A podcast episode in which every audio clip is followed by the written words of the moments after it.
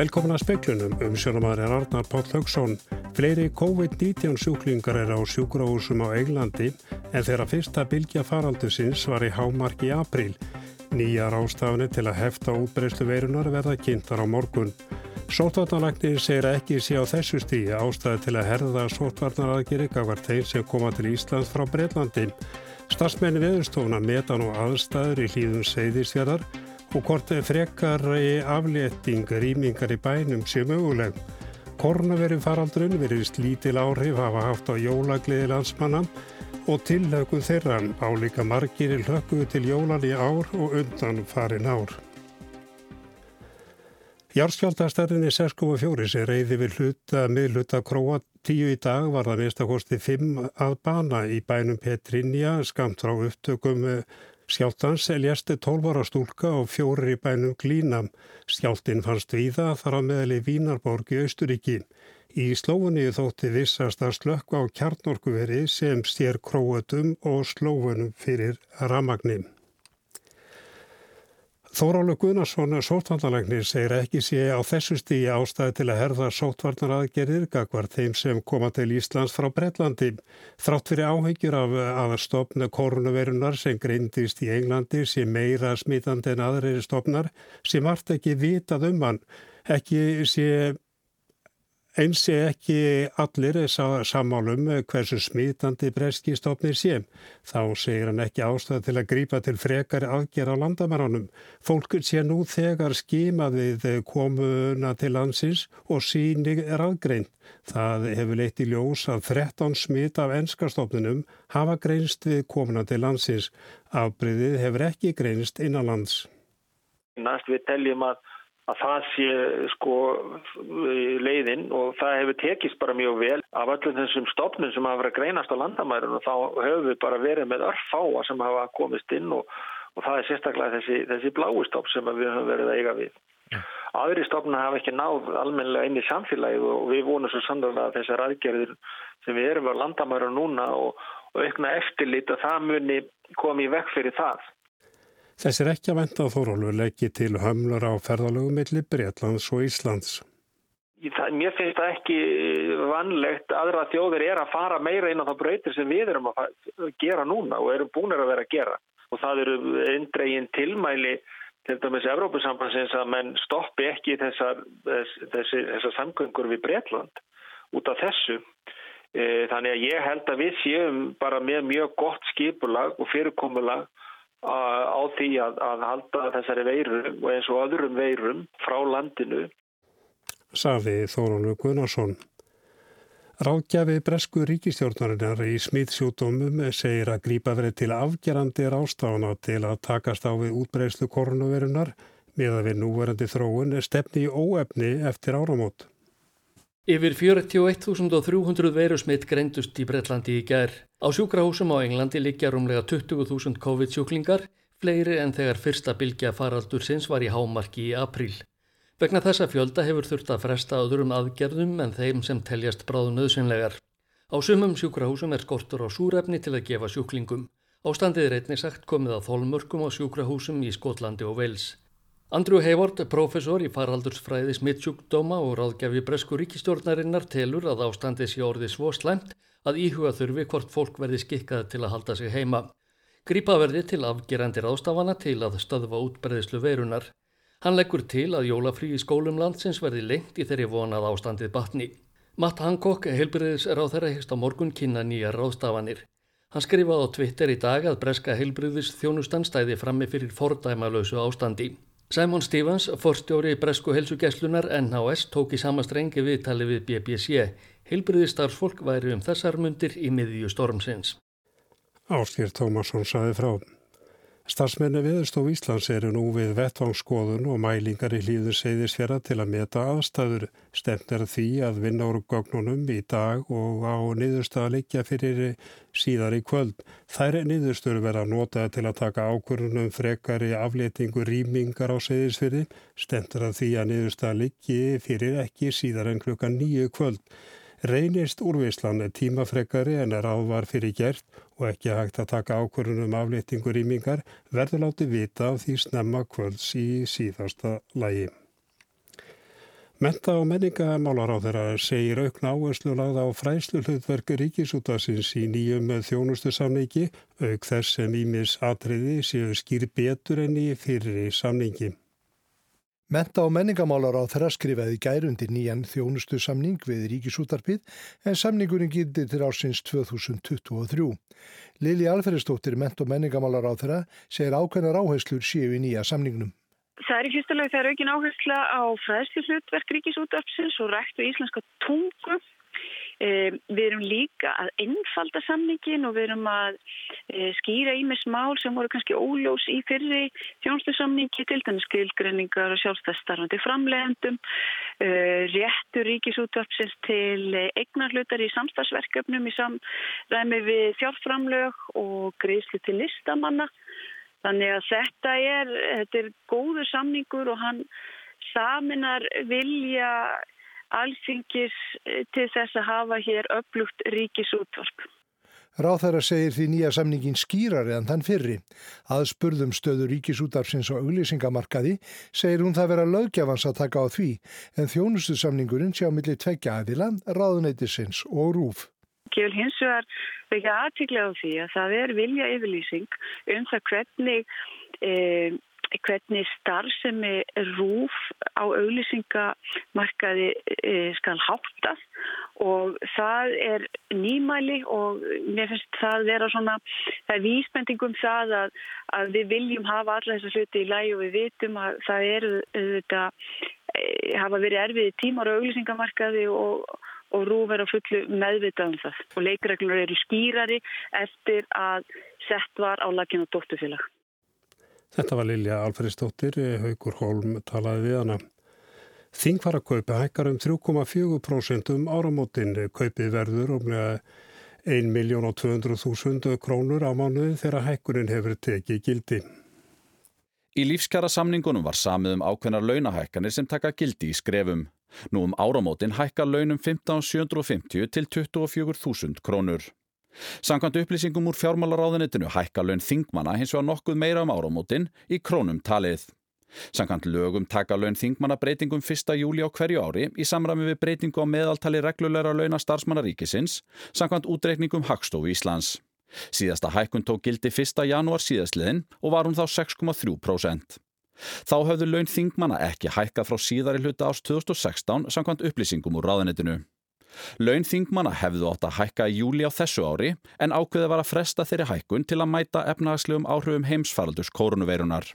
Hækkunin tekur í staðin gildi nú um áramótin og nefnur hún þá 3,4%. Það þýðir að þingvarakaup hækkar úr 1.170.000 krónum í 1.210.000 krónur eða um réttæpar 40.000 krónur.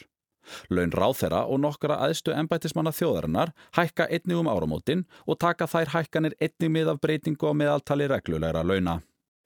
Jóhann Bjarni Kolbjörnsson saði frá. Út helme Stelli í búi á dvalarheimilinu hlýð var það fyrsti akureyringurinn til að fá bólusetningu við COVID-19 í dag. Hún var allsæl. Ah, æðisleil. megi hann gagnast þér vel. Hæra þakki fyrir þetta. Þetta er æfislegt og hvetja alla Íslendinga að láta bólusetja sig því þetta er eina botnu sem við höfum. Og ég er mjög þakklátt fyrir þetta. Takk. Sagði ut uh, Helme Stelli. Kornuveru faraldru virist lítil áhrif hafa haft á jólagliði landsmann og tilhökun þeirra en svipaður fjöldi hlakkaði til jólan í ár og undafarin ár. Konur hlaka freka til jóla en karlar og tilhaukunin eigst með herri aldri, aukinni mentun og meiri tekjum. Þetta kemur fram í nýjum þjóðarbúlsi Gallup þar sem spurt varum í mislegt sem tengist jólahaldinu. Þar kemur fram að fólk undir þrítugu er líklegast til að kvíða jólunum. Eftir því sem fólk eldist, eikst tilhlökkunin þanga til sextugsaldrei að náð en þá er fólk líklegra til að kvorki hlakka til jólana nýja kvíða þeirra. Þegar niðurstöðurnar eru skoðar eftir stjórnmálaskoðunum eru kjósendu pírata líklegasti til að kvíða jólunum en tillökunin er mest meðal þeirra sem kjósa sjálfstæðisflokk. Einna hverjum tíu sagast ekki eiga fyrir jólahaldun í ár sem er svipa hlutfall og undarfærin ár. Kjósendu framsóknarflokksins eru sákjósendahópur sem er líklegastur til að eiga fyrir jólahaldinu og kjósendur miðflokksins eru ólíklegastir til að eiga fyrir því. Tæpla þrýra hverjum fimm segja sóttanarreglur hafa haft mikil áhrif á jólahald sitt og meiru hlutin saðist vilja hitta fleira fólkum hátíjarnar en nú væri leifilegt.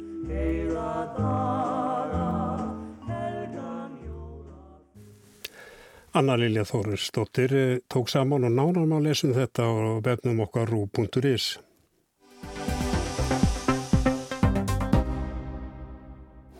Ég held að áriði 2021 verði ár fjölskytunar. Þetta segir Anna Byrða Jensdóttir í hjógrunafórstjóri á hjógrunaheimilinu Soltúni í búarheimilisins verða bólusettur á morgun og það sendir til að flagga og baka kökum. Anna Birna segir að árið 2020 hafi verið lærdómsrikt og ólíkt öllum öðrum sem hún hefur upplifað á laungum ferli. Sumt í starfinu eigi ljósi reynslunar frá verutímanum eftir að breytast til frambúðar. Hún leifir sér að vona að hægt verða að lifta hömlum af hjógrunarheimilum strax í februar. Það erðu stór tímamóti í dag þegar byrjað var að bólusetja framlínu starfsfólki í heilbreyðiskerfinu og íbúa á hjókrunarheimilum. Ég fannst þetta bara, ég verði heppin að vera dregin út sko. Já, vannst í lottóanu? Það má eiginlega segja það. Saði Þorleifur Haugsson íbúi í Seljalíð Reykjavík sem fekk fyrstu sprautuna í dag. Heilsugæslan á höfuborgarsvæðinu hefur undanfærið átt fundi með fulltrúum hjúkurnarheimila til að skipulegja bólusetninguna. Á morgun verður efnið sem íbúar sóltúns fá blandað hjá heilsugæslinu á Suðurlandsbröðinni. Og eigum vona fyrstu sendingu um morgunin. Eh, Lörglang kemur með þetta til okkar og við tökum á móti og kvittum fyrir og síðan er alveg búið að telja nákvæmlega sko hversu marga á að, að hérna, bólusetja í, í fyrstu sendingu og við förum bara gang, í gang með það. Það eru sem sagt þá hjúkunarfræðingar í sóttvarnarhólfum sem að, sem að bólusetja þá íbúa sem er í þeim hólfum. Þannig að það er bólusett sko á nokkur stöðum í einu og fylst með fólki í, í góðan tíma og eftir allavega upp undir hálf tíma. Uh, meðan það er svona bara að jafna sig en flestir vita af alla af því að þeir eru að fá stungu sko eins og einhver saði sko það er ekkert að fá bólusetningu með að við til dæmis að láta taka eh, síni í skimun. Fyrir helgi rætti starfsfólk Sóltúns við alla íbúana 92 heimilinum og kannadi afstöðu þeirra til þess að fá spröytuna. Anna segir að fólk hafi almennt tekið vel í það, flestir hafi látið bólusetja sig við influensun í haust og hún rekna með því að allir þykki bólusetninguna. Við erum bara hérna setju á borstofn þar sem við getum haft yfir sín og og þetta verður svona svolítið, viðburður maður segja í, í hverju hólu fyrir sig. Og við erum hérna ætlum að hafa tertu og flagga og það er bara ástæð til að við erum að sjá, sjá til ljós þarna.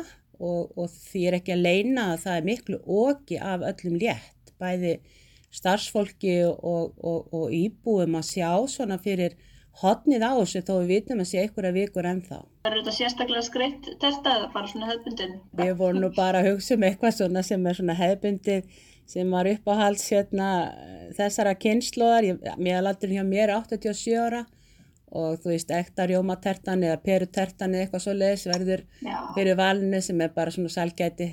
Mér finnst fólk svolítið spennt sko fyrir þess að það verður búið að fylgjast með fréttum og og það er mikið virðing fólkin í því að, að það sé íbúar hjúkurnaheimilana, elsta fólkið sem er í hvað mest áhættuhóp sem að er að fá fyrstu, fyrstu bólusetningarnar og fólk skinnja það alveg og þakklátt fyrir það.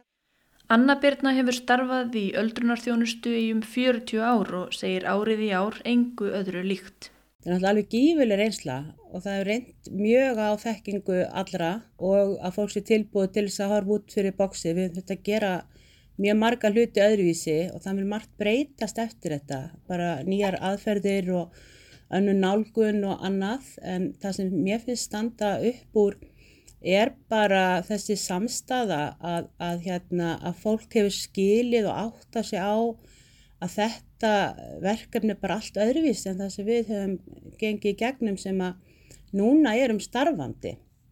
Hluti íbúið hefur gengið í gegnum kannski þrengingar eins og, eins og harðindi og steimstyröldin og allt það en, en við sem erum núna starfandi kannski í heilbríðstjónustunum við höfum kannski ekki séð neitt svona. Hún segir heilbriðistarsfólk hafa staðið þjætt saman, þvert á greinar og þjónustusteg og fórnað ímsu, bætt við sér vinnu þegar aðrir fór í einangrun eða sótkví og kannski ekki átt mikið enga lífa þessu ári. Fólk hafi umverulega helgað sér starfinu. Átta starfsmenn á sóltúni fengu veiruna en allir smituðust er utan vinnustæðarins og enginn bar smitin á heimilið. Anna Birna segir stjórnvöldum hér hafa tekist vel upp og hún er sérstaklega þakklátt fyrir handahófskimun íslenskrar erðagreiningar en nokkrir starfsmannuna greindust þar og höfði ekki hugmynd um að þeir hefðu smitast. Sumar breytingarnar á sóltúni eru komnar til að vera. Heimilinu var skipt upp í sóttanarhólf og í stað þess að yðjúþjálfun, sjúkraþjálfun og félagsstarf færi fram miðlægt í stórum sál færðist að meira inn á hverja deilt. Þetta hendaði sumu mjög vel og þáttaka í starfinu jógst. Og við hefum séð hlýður á fólki sem heldum að ætti ekki til og, það, og þau hafa notið þess og það er svolítið gaman að því. Og það náttúrulega segir okkur bara strax að, að til þess að ná til fleiri að þá munum við hafa þetta með fjölbreyttara ætti í framtíðinni. Heimsóknabann og takmarkanir reyndu auðvitað á en Anna Birna segir íbúa þó hafa tekið þessu öllu með ró. Jafnvel meiri ró en ættingar þeirra enda lífsreyndari. Þá hafi verið reynd að koma sérstaklega til móts við maka íbúa. Smám saman sé nú verða slaka á takmörkunum og þannig hafi fleirum verið leift að komi yfir jólinn. En hvenar verður hægt að hleypa öllum sem vilja inn og út án takmarkana? Hvenar verður hömlunum endanlega lift af hjúkrunarheimilum landsins? Það er ekki nóg að bólusetja íbúa, segir hann að byrna, það þarf líka að bólusetja starfsfólk því ef upp kemur hópsmitt meðal þess, þá er enginn til að sinna íbúinum. Starfsmenn sem sinna íbúum á hjúkrunarheimilum eru í forgangshópi 5.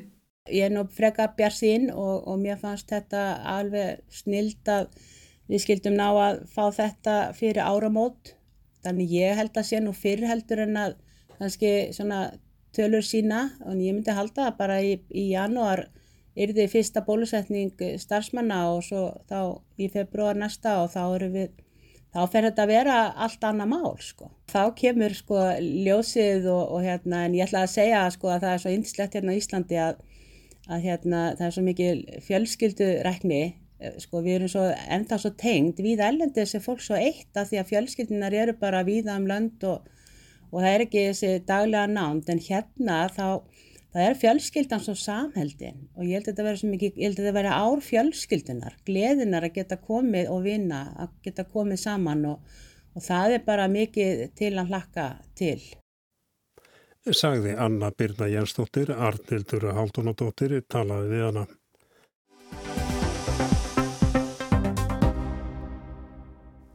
Þjóðleikústjóri stefnir að því að nýtt íslenskt verk verði frumsýnd í janúar ef sótvarnareglu leifa það. Hann segir að tíminn hafi verið vel nýttur í leikúsinu til þess að verða sannlega tilbúin að taka móti leikúsgestum á ný. Já, tussum svei og tussum svei mig fyrðar þetta rót. Sofíu Frængu hefur ekki enn almeinlega tekist að skamma ræningjana í Kartunabæ vegna COVID-19 var það fresta frumsýningu á þessu vinsæla leikriti tvísvar sinnum í voru í fyrirbylginu og aftur í annari bylgu faraldusins.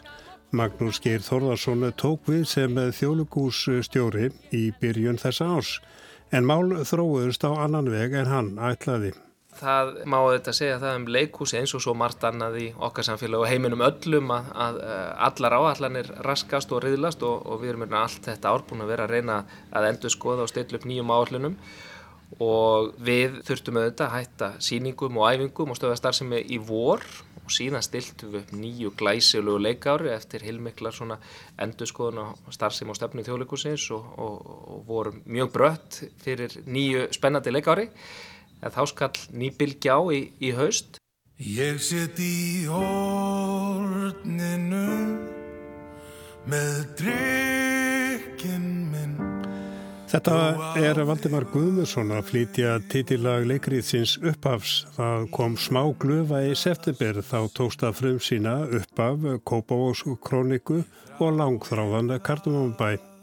En það var skamgóðu vermi því að, að, að ný bylgja skall svo á í, í oktober og, og, og stöðvalt síningahalt hjá okkur eins og öllum öðrum og við eigum núna þessar síningar og nokkrar eh, fleiri tilbúnar og, og býða þess bara að fá að mæta áhörðum. En getur við sagt að eh, ja, COVID hafi leikið leikhúsið grátt? Já, auðvitað er, verður það að segjast eins og er að, að leikhús án áhörfunda og meiri sé án leikara megnið af árinu er, er hérna ansið laskað, þú veist, leikhús er ekki neitt án áhörfunda og, og, og leikara.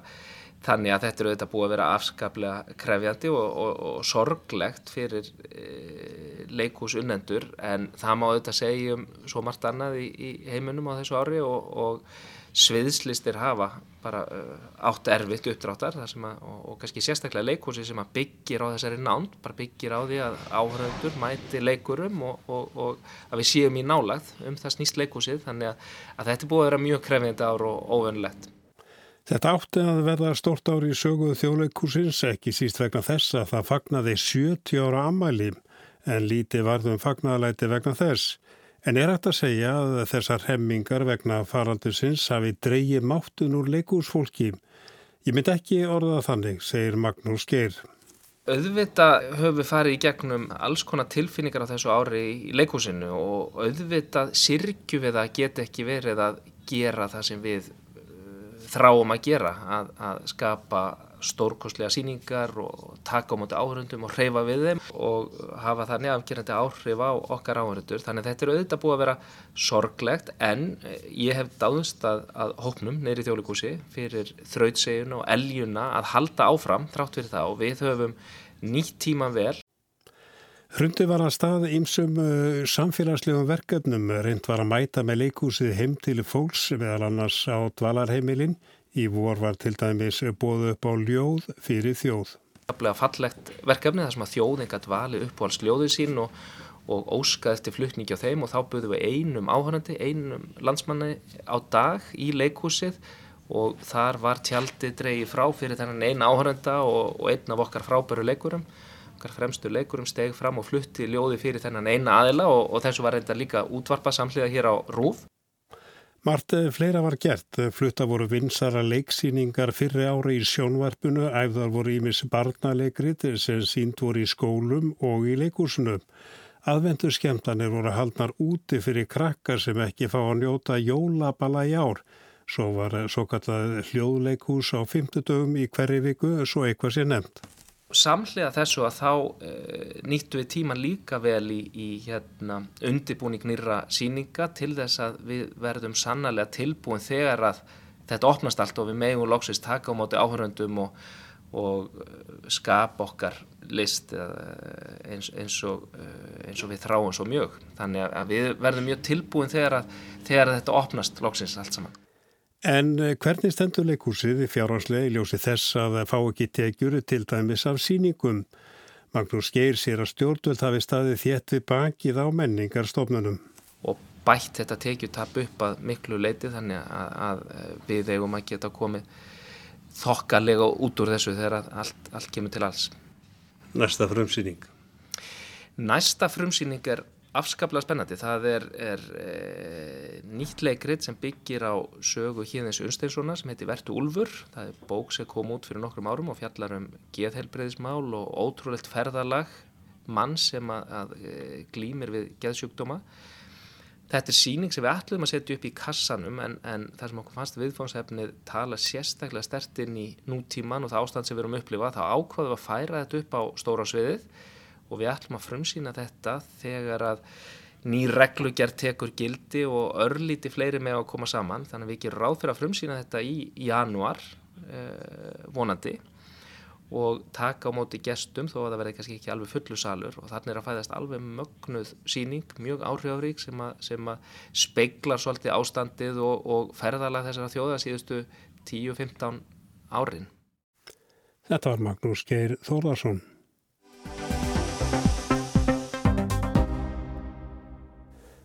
Fagnið nýja árunu ein heima. Þetta er árumóta bóskapur breskra yfirvalda til landsmanna. Megni af landinu sæti nú hörðum samgómabönnum. Með nýra tilfella í gær 41.000 tilfelli var slegið í dag þegar ný tilfelli fóru yfir 53.000. Nú telja ímsir vísinda menn að ekkirtu í annað en að hart bann fari yfir alltaf landið en eitt hástíð sem bætist ofan á fyrri bönn þó enn sé stemt að því að halda skólum óknum. Eftir viðleitni til heimila brettum að hittast fimm dagum jólinn frá 2003. til 2008. desember var skindilegur viðsnúningur réttur í jólinn. Nýtt COVID-afbreyði setti stryk í útbreyðslureikningin því kent um snarfjölgandi smitt. En eins og Þórólur Guðnarsson sótvartanleiknir hefur bent á síðast í dag, þá er margt á huldu um þetta breska afbreyði. Nýja afbreyðið, óaðgætni fólks, óstjórn og stefnuleysi ríkistjórnar Borisa Johnsons eða blanda þessu öllu gæti haft sín áhrif og breytar máttu aðeins hittast á jóladag þó með þeim formerkjum að hitta sem fæsta og ekki ferðast. Það er ekki langt síðan Matt Hancock, heilbreyðisráð þeirra, upplýsti landsmennum að stjórnin hefði full tök á veirufaraldrinum. Helgina fyrir jól var ráð þeirran spurður hvort svo fullirðing stæðist enn. No, uh, it, it's not. The new variant is out of control, and we need to bring it under control. And this news about the new variant has been a, a an incredibly difficult end to, frankly, an awful year.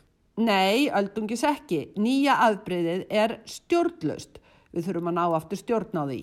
Í hreinskilni sagt, erfiður endir á hræðilegu ári, sagði mæðulegur ráðherran.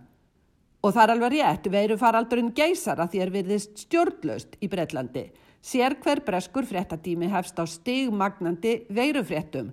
Starfsmenn sjúkrabíla í London hafa aldrei upplifað annað eins. Það er leitað logandi ljósi að fleira heilbriðstarfsfólki. Yfir 41.000 ný tilfelli í gær, sorglegt með. Dánartalan komin yfir 71.000 manns. Þrýstingurinn á heilbriðskerfið um allt land er gríðarlegur nærið því neyð á nokkrum sjúkrásum sem eru rétt á mörgum þess að anna sjúklingum. Ástandið var erfitt á breskum sjúkrásum í vor en þá var þeim sett fyrir að rýma sjúkrásin eins og hægt var fyrir COVID-sjúklinga. Nú er engin slík fyrirmæli bresk sjúkrás eiga þvertamóti að sinna COVID-sjúklingum í viðbót við aðra þjónustu. COVID-12-fræðin er áhyggjusamleg, nú veit allir að því fleiri tilfelli því fleiri þurfa á spítala að nokkru veikum liðnum og endanum hækkar fjöldi látina. Sólarsagan í myrkrinu er þó að þrátt fyrir vofeiflega þróun hefur færni og kunnáta hilbriðstarfsvolks í að lækna COVID-sjúklinga vaksið í takti faraldurinn. Batalíkur eru því betra náður en það kemur fyrir lítið ef fleiri lenda á sjúgrósum en þau anna. Í dag var byrjað að bólusetja gegn COVID á Íslandi. Brettar byrjuð að bólusetja 8. desember. Einmitt í dag fekk Margaret Keegan, fyrsti bólusetti brettin, sína aðra spröytu sem þarf til að fá nöðsiljan skamt af Pfizer-BioNTech bóluefninu því sama og er notað á Íslandi. Búist er við að annað bóluefni, auðveldari notkun frá AstraZeneca og hópi vísindamanna við Oxford Háskóla, verði samþygt í Bretlandi rétt eftir áramótin. Samkvæmt nýri rannsók London School of Hygiene and Tropical Medicine þarf að bólusetja 2 miljónir manna á viku í Breitlandi til að landinu verði forðað frá þriðju bylgu veirunar. Síðan bólusetningin byrjaði í Breitlandi fyrir þremur vikum hafa alls 600.000 manns verið bólusettir sem í landi með 66 miljónir íbúa er varla dropi í hafið. Í viðbót við að bólusetja allavega 2 miljónir manna á viku er bent á í rannsókninni að samfara bólusetningu þyrti að loka skólum allan janúar og viðhalda því harða samkomu og ferðabanni sem er í gildi. Ella með í búast við að COVID-dánartalan á komandi ári verði herri en á árinu sem er að enda. Já, það stefnir allt í enn hertari bóð og bönn í Breitlandi. Bólusetningin þar er vissulega ljós í myrkrinu en ljós sem lengist ekki mikið hraðar en dagsljósið gerir núna að baki vetrasólkvörfum. Sigrún Davidstóttir saði frá og við sögum meðal annars að frá þessu í speklinu í kvöldu jarðskjáltaðstærðinni 6,4 sem reyði yfir í miðluta Króatíu í dag var það minnst ákvæmstu 5 að bana. Fleiri COVID-19 sjúklingar er á sjúkrahúsum á Englandi en þeirra fyrsta bylgja faraldusins var í hámarki april nýja rástafanir til að hefta útbreyslu veirunar verða kynntar á morgun. Og starfsmenn veðurstofuna metan og aðstæður í hlýðum segðisfjæðar og hvort frekari aflétting rýmingar í bænum sé möguleg. Fleira ekki speklinu kvöldu tæknumar var Mark Eldred verið í sæl.